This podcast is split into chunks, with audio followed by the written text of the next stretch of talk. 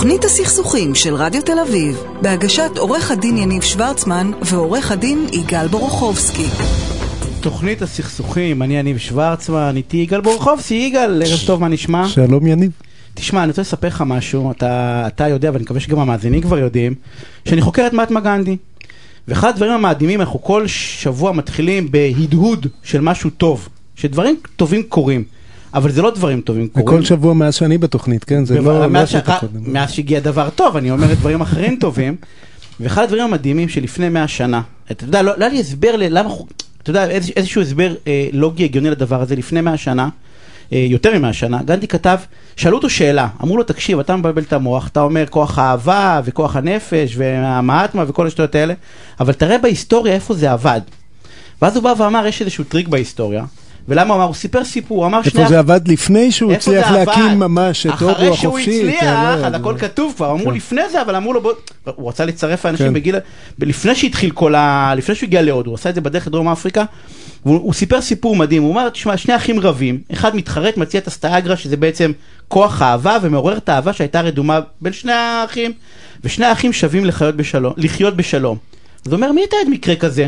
אבל הוא בא ואומר, בגלל התערבותם של מחרחרי ריב, או מכל סיבה אחרת, נעשים האחים לאויבים ומתדרדרים או לאלימות פיזית או לבתי משפט, הוא מאוד אה, לא אהב את בתי המשפט ועורכי הדין ב understatement, והוא בא מיד, מתפרסמים מיד מעשיהם בעיתונות, הם נהיים לנושא לשיחה של שכניהם, ואולי גם יימצא להם מקום בהיסטוריה. הוא בא ואמר מה שנכון למשפחות נכון גם לאומות. הוא אומר שבכלל כל, כל ה... אנחנו סובבים מעשים טובים, הכל זה מעשים טובים. אבל ההיסטוריה מתעדת בעיקר את רק, הרעים. לא בעיקר, רק מעשים אה, רעים. רק- רק את וככה, הרעים, כן. גם העיתון, אתה פותח, אתה, הנה יש לנו חדשות עכשיו, אתה פותח רק דברים רעים. דברים רעים של אתמול, אבל באתמול היו הרי מאות, אם לא אלפי, אם לא מאות אלפי, מעשים טובים קטנים. ואנחנו עסוקים ברע. ואתה יודע, הרבה פעמים אנשים חושבים שלנסות לעשות טוב זה למחבקי עצים, לאנשים לא מעשיים, אנשים בלי רגליים על הקרקע, אבל גנדי הוא דווקא דוגמה בולטת. לזה שאתה יכול באמצעים לא אלימים להביא תוצאות, ואני אספר לך על מורי ורבי השופט אלוני, אה, אה, אללה ירחמו, אה, שהוא היה בלח"י, כן, הוא לא בדיוק היה מהטמה גנדי במאבק על המדינה, ועדיין אמר לי, תשמע, אנחנו בלח"י, היה לנו הערכה גדולה למהטמה גנדי, אמרתי לו, שאול, איך זה יכול להיות? זה, זה ההפך ממה שאתם עשיתם. אתם פוצצתם מבנים והוא שבת שביתת רעב. הערכה למה? הוא אמר, הערכה לזה שהוא הצליח, בדרך שלו הוא הצליח, ולכן בזכות מהטמה גנדי אנחנו לפחות יודעים, אה, היסטורית יודעים, שגם אה, בטוב אפשר גם להצליח. בטוב אפשר להצליח, ופשוט לא מנסים, כי אנחנו רואים רק את הרע כל הזמן. יש דף פייסבוק, שלחתי לך אותו, אני ממליץ לכולם להיכנס, הוא נקרא בדלתיים סגורות, לא יודע למה הוא נקרא ככה, אבל צריך לפתוח אותם. דף שלם שמוקדש, כן. כן, רק למעשים טובים. כל פוסט שם זה מעשים טובים שאנשים עשו, דרך אגב, לא דברים גדולים. עזרו לזקנה, עזרו לאיזשהו ילד, מצאו משהו, עשו משהו שהוא טוב, כי המעשים הטובים באמת הם, הם הרוב, וככל שנהדד את זה יותר, אז נהיה פחות עסוקים ב, ב, באלימות. הדף הזה בהחלט אה, איכותי ושווה להקדיש לו יותר מהעשר שניות שנשארו לנו, אנחנו עוד נתעסק בו קצת. אה. והנה אנחנו מתחילים. תוכנית הסכסוכים של רדיו תל אביב, בהגשת עורך הדין יניב שוורצמן ועורך הדין יגאל בורוכובסקי. ורגע לפני שאנחנו מתחילים אני רוצה להודות לדוד מירן שנמצא איתנו פה על התפעול הטכני בתוך האולפן, לענבר. סולומון שעורכת ומפיקה את התוכנית כבר. שנתיים. כן, אה, כן, כבוד. עוד המון המון שנים, נכון ענבר? ולאייל טל אה, אה, המפיק שעוזר לנו להביא את כל המומחים המרתקים האלה, ואני רוצה להגיד ערב טוב דר- דרזנין. אני התאמנתי איתה בחוץ, התאמנתי איתה לא לטעות. עורכת דין מגשרת, עורכת דין לג- לגירושין בשיתוף פעולה ומומחית בפתרון סכסוכים בדרכים מגוונות, משמשת כיו"ר משותף של ארגון, הארגון הישראלי לגירושין בשיתוף פעולה, מעבירה הכשרות ומרצה על גירושין בשיתוף פעולה במסגרות שונות. דנה, ערב טוב, מה העניינים? ערב טוב, בסדר. אנחנו הולכים לדבר על גירושין בשיתוף פעולה. מה- מה מה זה בעצם? אולי תסבירי. איך אפשר להתגרש? איך אפשר להתגרש? בדיוק, זה לא גירושין ההפך. זה הכל חוץ מבשיתוף פעולה. נכון. אם היה אה, כזה שיתוף פעולה, לא היו מגרשים. אכן, אה, לא, דווקא אפשר בשיתוף פעולה. בדיוק בחוץ דיברתי עם לקוחה שיש בדיוק אה, פגישה בגירושים בשיתוף פעולה וזה הולך, אבל זה כן state of mind, זאת אומרת, זה לקוחות שבאים ואומרים אנחנו רוצים לסיים את זה יפה. זה הרעיון, זה לא מתאים לכולם. זאת אומרת, יש כאלה שזה לא מתאים להם, יש כאלה שזה מתאים להם. גם, גיר, גם גישור אבל, זה אנשים שרוצים לסיים בטוב. מה, מה ההבדל? כאילו, למה, למה, למה ללכת ל- לגישור? מה ההבדלים כאילו? בין גישור לבין... מעולה, אה, שאלה מה- מה מעולה. זה בעצם. שאלה מעולה. אני אתחיל ממה זה ואחר כך באמת לאיזה תיקים. גירושין בשיתוף פעולה זה שיטה אה, שבה שני עורכי דין, כל אחד יש לו עורך דין משלו לכל לקוח, ועורך הדין מייצג. וחותם על הסכמה שהוא לבית משפט לא הולך. זאת אומרת, יש סעיף פסלות מייצוג. בנוסף, יש צוות שהוא רב מקצועי, והצוות הזה כולל אה, בדרך כלל איש טיפול, אה, שזה היועץ הרגשי, אה, כולל אה, איש פיננסים, שזה אקטואר או מעריך שווי או שניהם, ומומחי ילדים. ששני הצדדים שוכרים את הצוות הזה? ששני הצדדים שוכרים את הצוות. ביחד. זה, כן, זה לא, זה לא אחד לכל אחד, לא, אלא לא, לא, ביחד. עורך הדין הוא אחד לכל אחד. בוא, בואי נתעכב רגע על הסעיף פסלות. אה, בעצם, למה צריך אותו? מה, מה ההיגיון שעורך דין אחר ייכנס לתיק אם יהיה מריבה? להפך, זה הסעיף שהוא הכי חשוב, כי כשעורך דין עושה משא ומתן היום, מבלי לבוא ולפגוע בעורכי הדין שהם ישרים איך אבל אני אוהב את יש... הכוכבית הזאת? לא, אני אומרת, אבל יש לא, איזשהו ניגוד תמיד אינטרסים מובנה שהוא נמצא בתוכו. כי אם הוא יבוא והוא יסיים את המשא ומתן בעצם, אה, ויביא אותם להסכם, סבבה, אבל אם הוא לא. יצליח, הוא יקבל פי ארבע בבית המשפט. אז יש איזה ניגוד אינטרסים מובנה, וניגוד האינטרסים הזה בעצם מעוקר מתוכן בשנייה שאנחנו באים וחותמים על פסלות מיזוג. זאת אומרת, אני צריכה להיות תותחית כשאני מסיימת במשא ומתן, בעצם במסגרת ההליך הזה. בעצם סעיף הפסלות אה, אה, אה, הוא נותן אינסנטיב לעורך הדין ששכרת כדי לגמור, לגמור בטוב. לגמרי, והואיל. ושני עורכי הדין משני הצדדים אה, אה, חתמו על סעיף פסלות, אז, אז לשניהם כולם יש פה אינטרס. כדי לסיים זה לא בטוב. שאתה שכרת עורך דין אה, פשרן והצד השני שכר לוחמני. להפך, ה- ה- השיתוף הפעולה זה, בעצם המשקל הוא על שיתוף הפעולה לצורך העניין. זאת אומרת, הצוות עצמו חייב לעבוד בשיתוף פעולה, ואז אין מצב שבו עורך דין אחד יותר טוב, עורך דין אחר פחות טוב, זה הצוות. אז, אז בואי, בואי נשווה את זה ביחס לחלופות, יניב התחיל. לגישור, נניח, כן. רגע, לפני גישור, נניח ששני צדדים רוצים לסיים יפה, למה שלא יזכרו עורך דין אחד שיעשה להם את, אה, את ההסכם? קודם כל, הליך הגירושין בשיתוף פעולה באמת לא מתאים לכולם. זאת אומרת, אם הזוג הזה יכול לבוא ולסיים בעצם במשא ומתן ביניהם על שולחן המטבח לצורך העניין, שיעשו את זה. אם הם רוצים ללכת לגישור וזה הולך, זה בסדר. התיקים פה בדרך כלל הם תיקים קצת יותר בהיי קונפליקט. זאת אומרת, תיקים קצת יותר מורכבים, צרכים מיוחדים של ההורים או הילדים, אה, זוגות בגיל השלישי, אה, שיש קצת קונפליקט, אה, משפחות מורכבות זאת יותר. אומרת, את מאפיינת גירושים בשיתוף פעולה, את אומרת, מצד אחד הצדדים רוצים לסיים בטוב, מצד שני הסכסוך הוא כן אה, בעצימות גבוהה ומורכב נכון. ומשמעותי, ואני גם אוסיף בהיקף כספי שמצדיק שני צוותים של עורכי דין. אה, נכון, נכון, אה, ו- והעניין הוא שזה תיקים קצת יותר מורכבים באמת, למשל אה, גישורים שנכשלו. אז אתה לא תלך ותעשה more of the same, אתה תלך למשהו אחר. אז באמת זה לא לכל תיק, לא לכל לקוח, אבל כשזה הולך, זה מדהים. יש, אה, היה לי לקוח שהגיע אליי, שאשתו גררה אותו להליך הזה, אני הצגתי אותו, והוא בא אליי נורא מדוכא מזה שהוא בכלל צריך לבוא ולעשות את ההליך הנורא הזה, ואמרתי לו, אתה עוד תודה לה, ובסוף התהליך הוא אמר לה, אם היינו מדברים ככה, לא היינו מתגרשים. אז זה לא באמת מאוחר אף פעם, תהליך... דרך אגב, לא להתגרש. לא. הם אה, התגרשו במקרה שלהם, אבל, אבל זה תהליך שבאמת האנשים מצליחים לתקשר. כי יש לא, את אני, ה... אבל אני רוצה אבל שננסה לחדד את זה, כי יגאל שאל שאלה, ובא, אז למה לא לקחת עורך דין אחד למשל? אני לא אמרתי שלא, עורך לא, דין הכל- אחד זה לא גירושין והכל- בשיתוף פעולה. אוקיי. או- גירושין בשיתוף פעולה חייב שני עורכי דין, חייב את סעיף הפסלות. חי- חייב את שני עורכי דין, דרך אגב, שמומחים בדבר הזה, כאילו לצורך העניין, אפשר לקחת את יגאל ואותי, אני לא, למשל, לא, אני מתפטר. חייבים לעבור הכשרה, ואפרופו זה, יש הכשרות עכשיו, בדיוק ההכשרה הקרובה בלשכה, חייבים לחשור, לעבור הכשרה ייעודית, חייבים לעמוד בתנאים, זאת לא, אומרת, אבל למה? אתה לא... נניח אני מנסה רגע להבין, מה- מה- איזה כלים העורכי דין מקבלים? לא רק עורכי הדין, כל אוקיי. אנשי המקצוע. קודם כל, עצם זה שזו הכשרה רב-תחומית, נותן משהו. זה שעורך דין ביחד עם איש טיפול יושב ביחד באותו חדר, זה כבר יש לזה זה הכשרה לכל אחרת. הצוות כאילו? זה הכשרה לכל הצוות, ההכשרות הן ביחד. אני מעבירה את ההכשרה בד- ביחד עם דוקטור איתן בירנבאום, אנחנו עושים את זה ביחד, אז הוא כבר פסיכולוג, זה כבר שיתוף פעולה בינינו, וכל הרעיון הוא ללמוד שפה אחרת, ת- כלים ת- תחשוב אחרים. שזה סוויץ' מאוד גדול מבחינת נכון. עורך הדין. אה, עורך דין שרגיל לייצג כדי לנצח, כאן הוא מייצג כדי להגיע להסכמה. נכון. הוא בעצם משהו בין עורך דין למגשר. הוא, הוא, אני, הוא לא מגשר, הוא לא מגשר, הוא משתמש בכלים הגישוריים. ולמה הוא לא מגשר? כי הוא לא ניטרלי. כן. מגשר, ההגדרה שלו צד שלישי ניטרלי. אני עורכת דין, אני מייצגת. אני עושה שימוש בכלים גישוריים, אני עושה שימוש ב, בשיתוף דרך אגב, שזה פעולה. היה פה, פה יכול להיות אה, לצורך העניין הכשרה חובה לכל עורך דין שמתעסק ב- אני ב- מסכימה ב- לגמרי. במשפחה, אני מסכימה באופן ל- כללי, כאילו גם אם הוא לא חותם על הסעיף שלא אני ייצג אחר כך, ויותר מזה, לכל עורך דין. כי עורכי דין יוצאים משם ואומרים, וואו, איך לא חשבנו אבל, על אבל זה? אני רוצה רגע בנקודת מבט של, ה, של המאזינים, בסדר? איך, למה, מתי זה יתאים לי? כאילו, נניח אם אני רוצה להתגרש מאשתי, מתי זה, מתי זה יתאים? אז אני אגיד לך, לא תמיד אתה תדע. המון פעמים צריך לבוא למי שמומחה בתחום. למשל, אנחנו בקבוצת להתגרש בשלום באים ונותנים שעת ייעוץ בחינם. ואנחנו באים ונותנים אה, לזוג הזה לבוא ולהביא את ה... ב, להגיע אלינו ולבוא ולבדוק אם זה מתאים. אני באה ואני פוגשת את הזוג, ואז ביחד איתם אני מגלה האם זה מתאים להם או לא.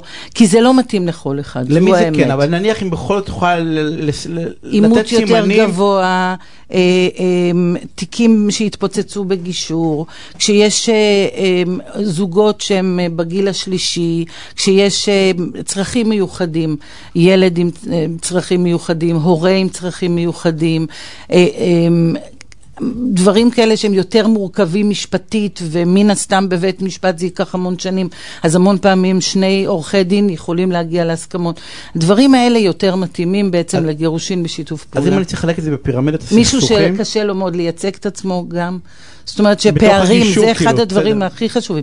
פערים בין שני הצדדים. זאת אומרת, האישה והבעל לא נמצאים באותו מקום. אחד עובד, השני לא עובד, אחד חזק רגשית, השני היינו לא. רוצים להאמין זה שמתקשה ה- לאזן בין זה, אבל... זה אה, לא, אני העיקר. אומר, לא זה תמיד, לא לא תמיד. תמיד יכול, אבל כן. בפירמידת הסכסוכים כאילו את באה ואומרת, כאילו יש נניח את השכבה הגדולה של הסכסוכים שאנחנו הולכת לגישור, שזה, לא יודע אם הרוב, אבל הרבה מאוד. ואז רגע לפני שמגיעים לבית משפט יש בעצם את, ה, את, ה, נכון. את הכלי הזה שבא ואומר טוב אתם כבר רוצים עורכי דין אז בסדר אין בעיה תיקחו עורכי דין אבל תיקחו עורכי דין שלא הולכים להעביר אתכם מסע אלונקות נכון. אלא עורכי דין שהם מיינדד כדי לסיים נכון. את זה. חותמים מראש עכשיו, זה, זה לא סמנטיקה, זאת אומרת, אנשים יכולים לה, להתבלבל לחשוב שגירושים בשיתוף פעולה זה אוקיי, אה, אני אלך לעורך דין שלי ואני אגיד לו תנסה בשיתוף פעולה. זה מוסד. אה, מוסד עם עורכי דין שמוסמכים ספציפית לעניין הזה, שמתחייבים לפרוצדורה מסוימת שמחייבת גם אותם ו- וגם את הצהרת הכוונות של הלקוח, אה, אה, אה, ללכת לכיוון של הסכם. מסכימה עם הכל חוץ מזה המוסדת. שזה מוסד, כי יחפשו את המוסד, אז זה לא מוסד, זה שיטה. זה לא, אבל- אנשים אבל שעובדים נניח, כן, בשיטה שיטה. מסוימת. אבל, אבל, כן. אבל כן העורכי דין האלה צריכים שיהיה להם צוות, נכון? נכון, כאילו, אני, כאילו נכון. אתה מצפה שאם אתה הולך למישהו חייבת- שלמד, אם אני רואה באינטרנט פרסום של מישהו בפ- בפייסבוק שהוא עושה ש- גירושים בשיתוף פעולה, אני מצפה שיהיה מאחוריו עובד סוציאלי או מטפל זוגי. הוא יעבוד בשיתוף פעולה עם אנשים הוא כאלה, נכון. צריך שיהיה לו בעצם את המעגל הזה של הבעלי מקצוע. לגמרי, לגמרי, ואתה יודע מה? הם גם צריכים לדעת לעבוד ביחד. כי אם אני באה ואני לא מכירה אותך, ולא עבדנו מעולם ביחד, אנחנו צריכים לשבת ולבדוק שאנחנו יכולים לעבוד. אז יש בזה את הרגישות אם הזאת. אפשר משפט שאלה. אישית לסיום, אה, אה, אה, את היית הרבה שנים עורכת דין של בית דיני. אישות, ליטיגציה, מה גרם לך לעשות את השינוי הזה לגירושים בשיתוף כש- פעולה? כשהבנתי שאי אפשר ככה. היה לי שני תיקים מטורפים, שהאנשים אחר כך אה, סיימו אחרי שנים, והבנתי שחייבת להיות דרך אחרת. אני לא יכולה לבוא ולתת ללקוחות ולהרגיש בנוח כשהם עוברים כזו ויה דולורוזה, איזה כזה. מרחץ דמים. אמן, כולם יעברו? את זה. אה, דנה דרנדין, אני רוצה להודות לה, עורכת הדין ומגשרת, למרות שאת לא מגשרת, את עושה אני גם- גם מגשרת לגמרי. גם וגם וגם. לגמרי. תודה רבה על השיחה הסופר מעניינת הזאת. אה, ומי שצריך שיפנה. אה, הפסקת פרסומות קצרה וכבר חוזרים. תוכנית הסכסוכים של רדיו תל אביב, בהגשת עורך הדין יניב שוורצמן ועורך הדין יגאל בורוכובסקי. וחזרנו, ואני רוצה להגיד ערב טוב לעורכת הדין ליאת בלומברג לוי, שותפה במחלקת הליטיגציה והתובענות היציגות במשרד צמח שניידר. ליאת, מה העניינים? טוב, תודה. שלום, מה ליאת. נשמע? אני במקור ציפיתי פה ל- לאקשן, אבל לא נראה לי, נראה לי שאני הולך להתאכזב, יגאל רמזי, שאני הולך להתאכזב מה, מה... לא מהתוכן שלך, מה... בוא נדבר רגע... אתה בעצם חולם להביא מרואיינים שיתווכחו. איתי, כן. ויגידו שאתה צודק ואני טועה. זה- כל התוכנית בעצם זאת המטרה. אני לגמרי, מבין. אני מקווה שליאת לא תאכזב.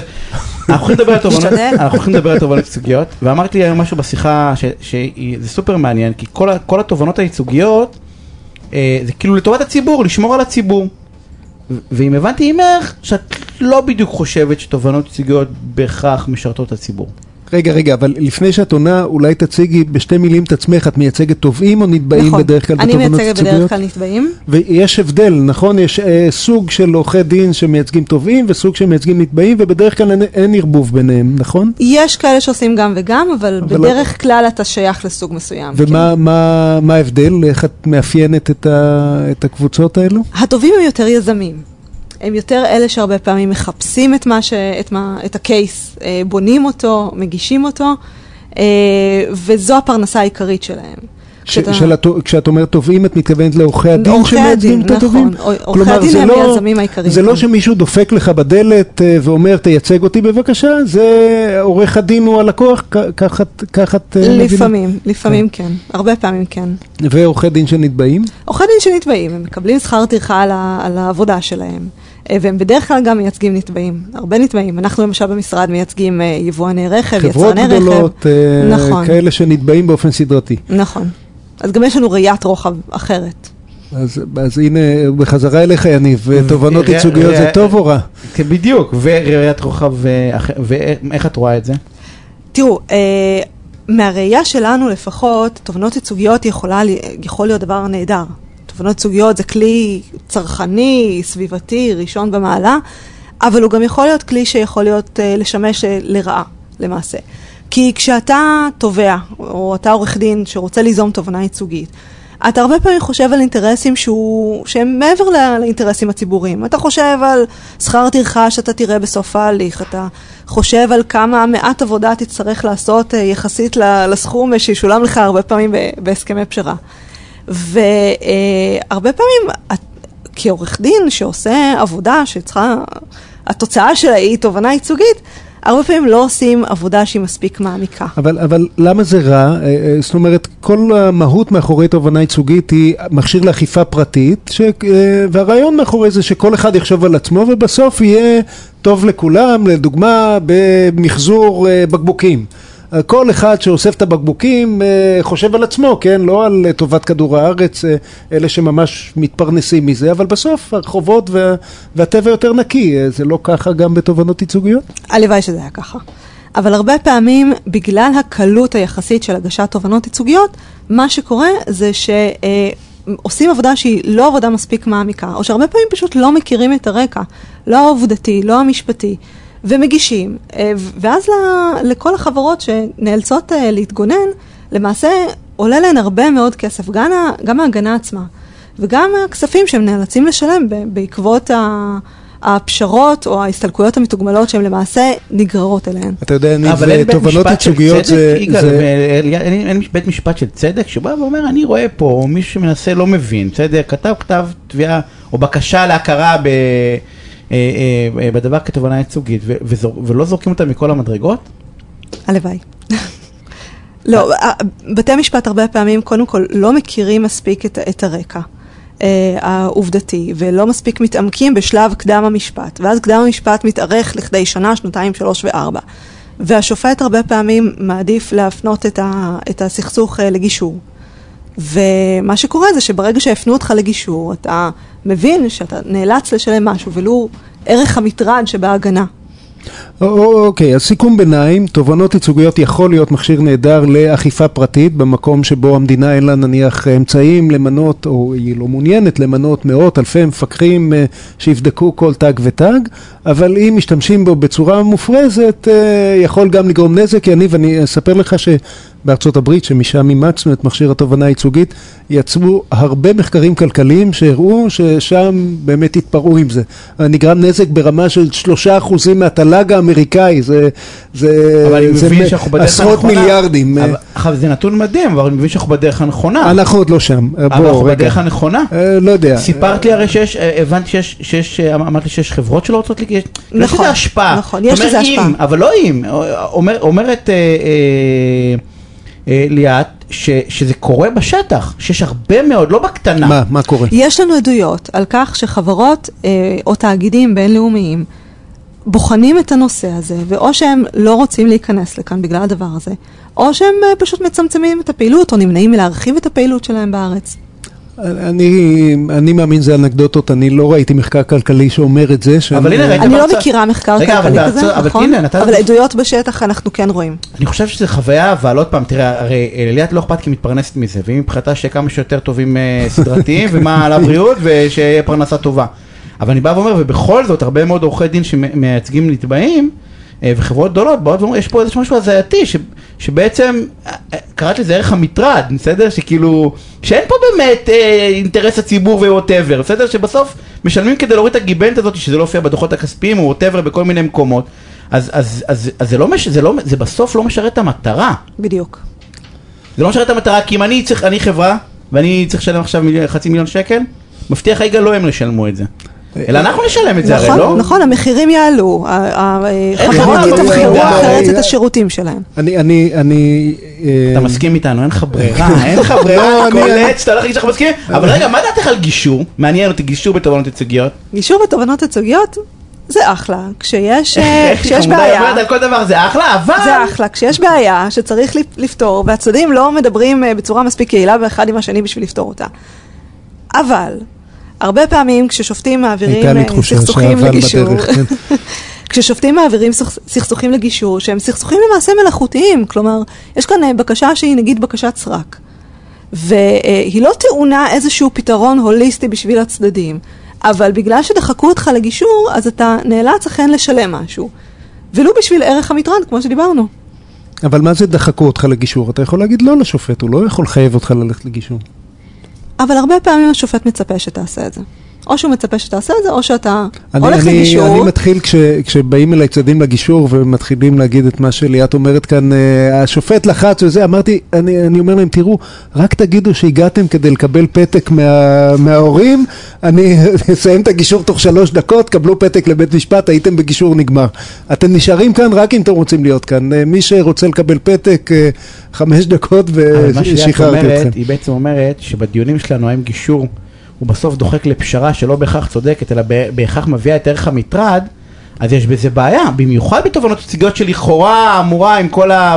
לייצג את אינטרס הציבור, שזה מייצג הכל חוץ מאת אינטרס הציבור. אה, רגע, אז קודם כל גישורים בתובענות ייצוגיות זה אה, חיה אחרת מגישורים רגילים, ותכף נבין עם ליאת מה, מה זה אומר אחרת. אה, אה, קודם כל יש פרוצדורה מיוחדת לאישור אה, אה, נכון. הסדרי פשרה בתובענות ייצוגיות, אולי תספרי קצת? נכון. אז אה, הסדרי פשרה בתובענות ייצוגיות למעשה טעונות אישור של בית המשפט, וגם כרוך בזה איזשהו הליך פרוצדורלי אחר.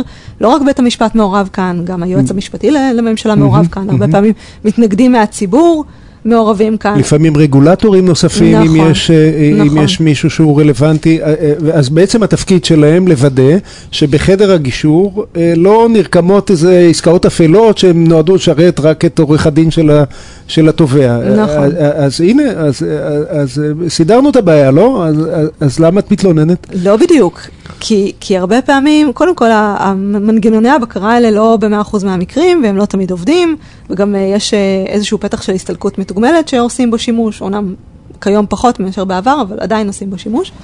ולמעשה, הפשרה היא, היא נקודתית, והשופט הרבה פעמים, או השופטת, מעבירים הלאה את הפשרה. אה, ולו בשביל להבין שאוקיי, היה כאן איזשהו עניין, בעל חשיבות ציבורית מסוימת, אבל היא לא טעונה פתרון ברמה של אה, גישור, ברמה של תשלום אה, שכר טרחה או, או גמול או איזשהו פיצוי, אלה הרבה פעמים דברים שנרקמים מסביב, ולו בשביל אה, להשביע את רעבונו של עורך הדין שהגיש את התובנה. והרבה פעמים בית משפט מעולה המשפט... בסוף, אני, נראה לי אני אקח אותו. זה לצורך העניין, זה המשך ישיר של מה שליאת אמרה מקודם, היא אמרה מקודם, יש הרבה, הרבה, הרבה, בסדר? לא מכלילים את הכל כמובן עם כוכבי, חייבים לסיים, אבל בשורה התחתונה הגישור הוא... הוא איזושהי זרוע נוספת, בסדר? שמסבירה לנתבעים, בואו תסגרו את זה, תשלמו את ערך המטרד ולכו הביתה. אז רגע, ליאת, משפט נכון, אחרון, יצא, אחרון. יצא פסק דין של uh, כבוד השופטת רונן, שכנראה מסכימה איתך שגם המגשר uh, צריך לעשות משהו, אולי uh, תספרי עליו במילה? נכון. אז פסק הדין למעשה לוקח את מה שנקרא הצעת המגשר ומסתכל עליו אה, בצורה אה, יותר ת- תיאורטית אבל גם פרקטית, ולמעשה אומרת, גם למגשר יש כאן תפקיד. גם המגשר הוא שומר סף, שזה לא נכון. נכון אה, להוציא מקרים קיצוניים בגישורים אחרים. אמת. זה, אה, בית המשפט אומר לנו, בתובענות ייצוגיות אנחנו מכניסים עוד שומר סף, כי לא מספיק לצורך העניין שומרי הסף האחרים, כי הם לא ממש בקיאים. יש הרבה זה לא רעש. רק זה, למגשר גם יש אה, מידע ש... שהוא לא חשוף הרבה פעמים, לא לציבור, לא, לב... לא לבית אני המשפט. מרחם על מי שמגשר בתובנות ייצוגיות. ובעיניי... עליי? עליי? אתה מרחם על- עליי? לא, אה, האמת עליך לא. זהו, אנחנו נסיים, זה- זה- והאמת היא. אותי. אל תתפשרו, אל תתפשרו, תפסיקו להתפשר ולא תהיה בעיה. אנחנו חייבים לסיים, אני רוצה לראות אותך, עורכת הדין ליאת בלומברג לוי, על השיחה הסופר מעניינת הזאתי. בשמחה, תודה. רבה, ליאת. ואני רוצה. להגיד ערב טוב לסמדר מילר, מייסדת קרובים בית הספר לזוגיות, מחברת הספרים אהבה פיראנית, אני מקווה שאני אומר את זה נכון, מתוק ואז והיו לאחד מורה לזוגיות ולמיניות קשובה. סמדר ערב טוב, מה העניינים? ערב טוב, מה נשמע? נהדר. תשמעי, זו פינה שלזקנים ונשואים אה, כמו יגאל וכמוני, אה, היא פחות רלוונטית, אבל היא רלוונטית להמון המון מאזינים. לכל זקן ונשוי יש חברים רווקים. או, האמת היא שאני לא יודע אם אה, זה, אבל תקשיבי, אני, אנחנו, אין לנו הרבה זמן ואני רוצה להגיד משהו. אני, אני אספר לך יגאל, אני חבר בהמון קבוצות, כי משם אני לוקח המון חומרים להמון דברים שלי, ואני גם חבר בקבוצות של רווקים ורווקות. אתה גם בן אדם חברותי. באלה זה פחות, אבל, אה, אה, אה, ואני יכול להגיד לך שיש איזשהו שיח נורא נורא אלים על דייטים שנכשלים. מה זאת אומרת אלים? אלים ממש, כאילו, אני, אתה, הם משתפים בתוך הפוסטים על מישהו שיצא איתה או יצא איתו, וכאילו שיתופים על שיח נורא אלים ודברים שפה, כאילו, אתה, אתה בא ואומר בואנה יצאתם לדייט, לא הסתדר, תתקדמו הלאה, לא מתקדמים. ואתה לוקח את הנתון הזה, וראיתי בדיוק איזה מחקר לפני כמה ימים, שקודם כל אחוז הרווקים גדל כל הזמן, ואחוז הגיל הממוצע שמתחתנים, גם הוא גדל, כי, כי הכל, הכל השתבש שם איפשהו, בפעם זה היה נראה לי יותר פשוט, אני לא בטוח, אבל היה נראה יותר פשוט. ואז נתקלתי בוובינר שעושה אה, אה, אה, סמדר, עושה אותו אה, נכון היום בערב, נכון? שמסבירה איך, לא, איך להעביר את הדבר הכל כך מקסים ורומנטי הזה בעיניי שנקרא דייט, בלי שיהיה בסוף פוסט אנחנו אלים בפייסבוק. בתוכנית הסכסוכים המשפטית של רדיו תל אביב, בעצם אנחנו בסכסוכים בדייטים, זה... לגמרי, לגמרי, אתה אמרת משפטית, אני אמרתי לך, תעזוב אותי מהמשפטים האלה, תן לדבר על הדברים האמיתיים, סמדר. איך, איך, איך אנחנו אה, עוברים את הדבר הזה בשלום? איך נמנעים מעימותים בדייטים. לגמרי. אני חושב שמגיעים עם עורך דין צמוד, לא? ל- אתה לדייט. צוחק? זה הדבר הבא. תן לסמדר לדבר. קדימה, אה, תני לנו טיפים. טוב, אז קודם כל בואו נתחיל מזה שעצם הקונספט של דייט קצת יש בתוכו סכסוך אה, פנימי. אנחנו מצד אחד יש לנו איזה vision על משהו ככה אה, שסוחף אותנו בסערה, שאנחנו מתאהבים, שהוא ספונטני, שהוא פשוט איזשהו רגש שמתעורר, ומצד שני אנחנו מנסים לייצר אותו בתוך אה, סיטואציה תחומה, מוגדרת, שנורא נורא ברור שזאת זאת המטרה שלה, הכי לא ספונטני שיכול להיות. סיטואציה עצמה, דיברת על סכסוכים, אני חושבת שזה תוצאה של המון מתח שנמצא בתוך המפגשים האלה. אבל תיארת כזה דייט כמשהו רומנטי וכיפי, אני חייבת להגיד שיש אנשים שחווים את זה ככה, אבל עבור המון אנשים דייט הוא כמו המבחן הכי מלחיץ. ראיון עבודה. אתה צוחק? תקשיב, אני, אני חייב, טוב, אני אזמין אותך לקבוצות של רווקים ורווקות, רק תראה את השיח שם, זה מדהים. איך, נכון, איך, איך זה- יוצאים מזה אבל? אה, קודם כל צריך לראות איך ש... אני חושבת שזה מאוד משנה עם איזה, עם איזו אווירה, עם איזה כוונה אנחנו מגיעים לדייט. זה מושפע מכמה גורמים. זה מושפע מכמה אנחנו בלחץ. יש עכשיו בקרב צעירים אווירה מטורפת של פומו. שיש המון הזדמנויות, האפליקציה מראה לנו אין ספור אופציות. ב- Fear fear of missing out, כן? פחד להפסיד. אה. לגמרי, לגמרי. וכאילו יש תחושה שיש המון, ובאמת יש המון רווקים אה, בשוק במרכאות, כי כמו שאמרתם, זה, אה, זה הופך ונהיה יותר ויותר קשה ליצור זוגיות, הגיל עולה, יש כאילו המון המון אופציות, ויש מין תחושה כזאת שאם אני רגע עכשיו נמצאת בדייט עם מישהו, אולי אני בדיוק מפספסת את הדבר האמיתי במקום אחר. יש פחד לבזבז זמן על דייטים שלא יצא מהם כלום. יש לחץ של השעון הביולוגי שאנחנו רוצים לא לבזבז משאבים על מי שלא יפיק לנו את התוצאה. אז ב- אנחנו באים גם לחוצים. אז בעצם את אומרת שזה שיש יותר אפשרויות להכיר אנשים ולפגוש אנשים, זה מקשה, זה לא מועיל. תכלס, בסופו של דבר, כמה אנחנו צריכים? אחד. זה שיש אה, היצע מאוד מאוד גדול, זה לאו דווקא מקל עלינו, וזה גם, זה, זו תפיסה, אני אומרת המילה היצע, ואני בתוכי מתכווצת ממנה. זה, זה מושג מכלכלה. זה מושג של שוק, ויש ממש... אבל זה אה, שוק, ככה מתנהגים. לזה. סמדר, ככה מתנהגים לזה. קפיטליזם של אהבה. קפיטליזם של אהבה. ממש, אנשים מתייחסים לזה כאילו זה מוצר על המדף, שאנחנו בוחרים בקטלוג של האפליקציה, אנחנו רוצים לראות מה הנתונים שלו, אם הוא ייתן תמורה הולמת להשקעה שלנו. זה, זה כמעט מעליב את האנושיות שלנו.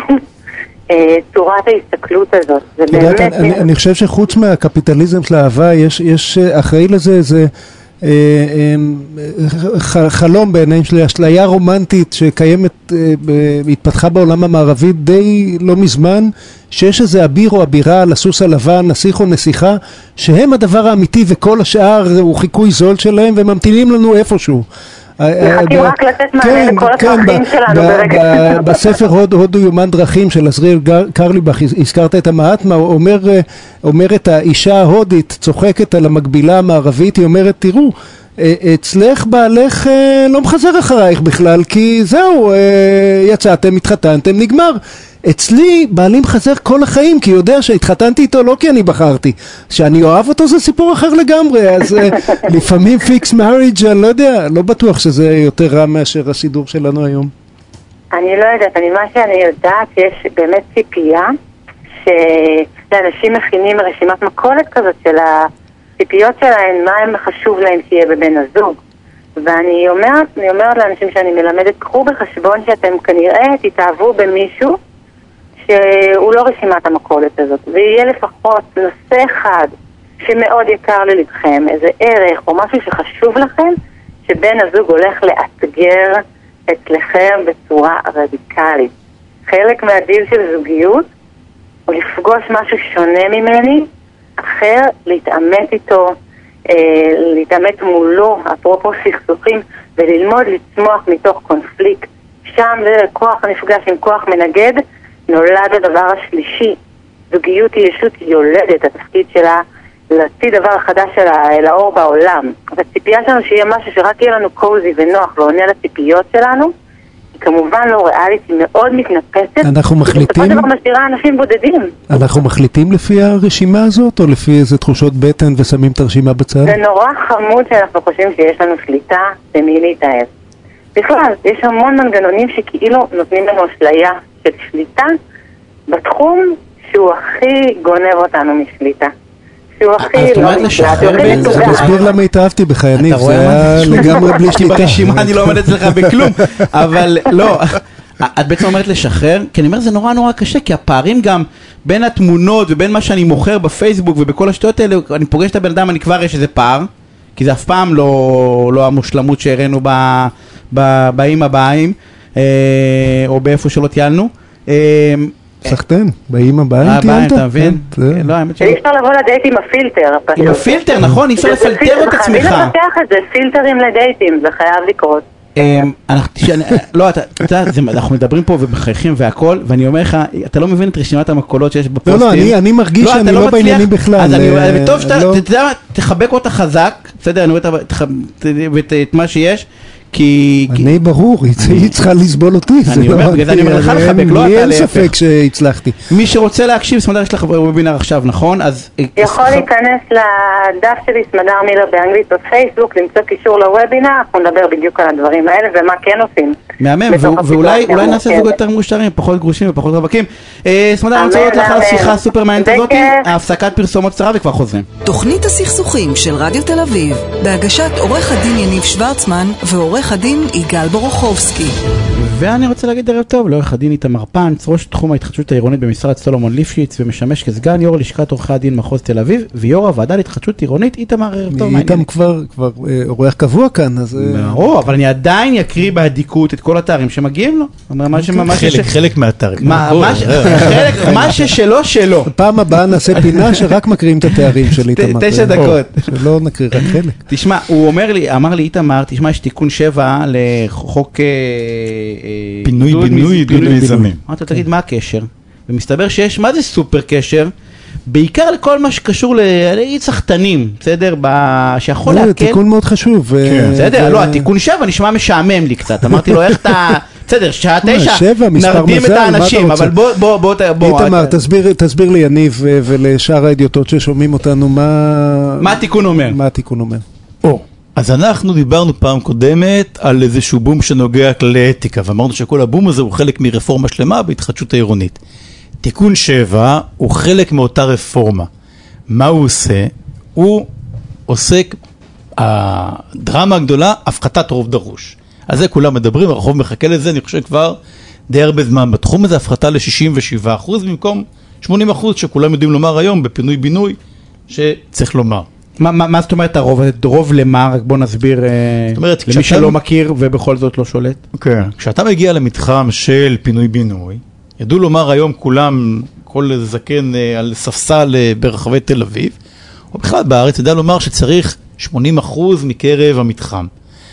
היום, ושוב, ואגב, אני רק מדגיש... נגיד שזה פינוי-בינוי. בעסקאות תמ"א 1 אה, אה, של חיזוק ו- ובדרך כלל בנייה זה 67. לא, גם או, היום, או, או 67 בהריסה. ובנייה בתמ"א 38 נשאר כמו שהוא, לא נגעו בתמ"א כן. 38, אנחנו מדברים אך ורק על פינוי-בינוי. כן. אוקיי. נכון? זאת אומרת, לא הוורסיות האחרות של תמ"א למיניהן. אה, הפחתה של רוב דרוש היא דרמה, היא מייצרת, משחררת הרבה מאוד דירות. לא רק בזה אגב הוא עושה כחוק, הוא עושה דברים יותר דרמטיים מזה. הוא למעשה מפחית אפילו יותר מ-67% במקרה, ומי מבעלי הדירות הוא עבריין בנייה.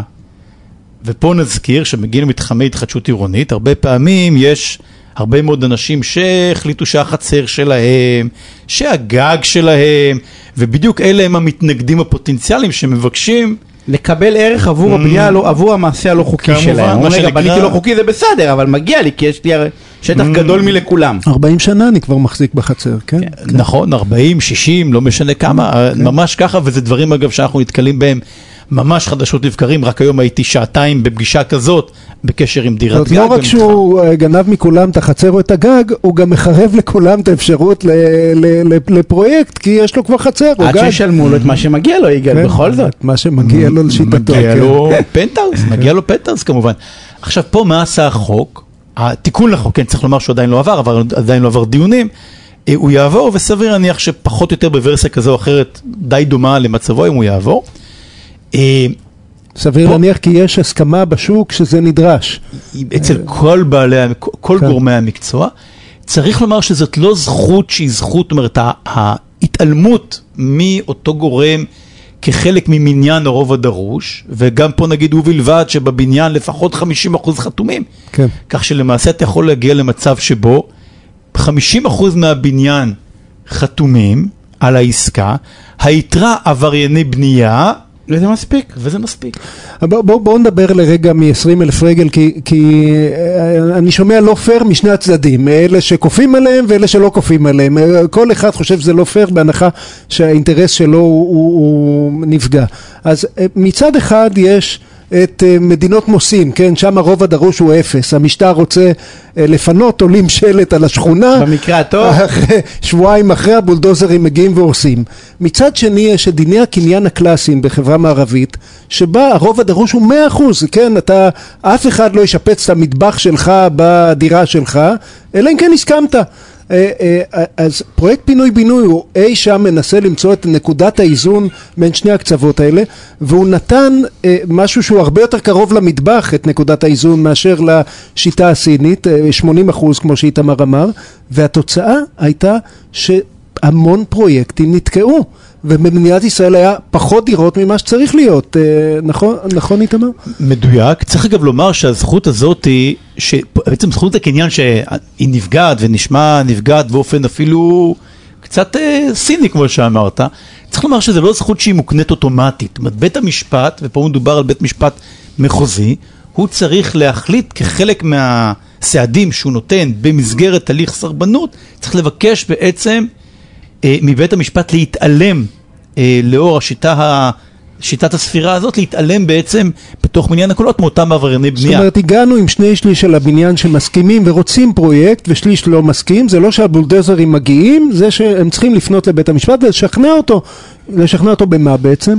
או 50 אחוז לפי או הדוגמה 50 שנתנו, אחוז נכון? אה, עם עברייני בנייה, כן? נכון. לשכנע אותו במה? מה ב... לשכנע אותו בכך שסרבנותם של הסרבנים, אחד, היא לא מוצדקת, שתיים, ותכף אני אגיע, או יש עוד דברים, אגב, בתוך החוק, החוק כן עוסק, עוסק הרבה מאוד באיזונים בהקשר הזה, אבל הוא למעשה בודק את האיזונים, בודק האם התקיימו, בית המשפט, אגב, שוב צריך לומר, לומר שזה עוד לא קרה, אנחנו הכל מדברים באיזשהו wishful thinking כזה, כן, דבר שעדיין לא קרה, ואז הוא יכול להחליט האם באמת צריך אה, האם זה עבריין בנייה שצריך להתעלם ממנו? האם מדובר בקול שהוא קול עם התנגדות שהיא התנגדות מוצדקת וסבירה? כן, גם יש מונח כזה בחוק.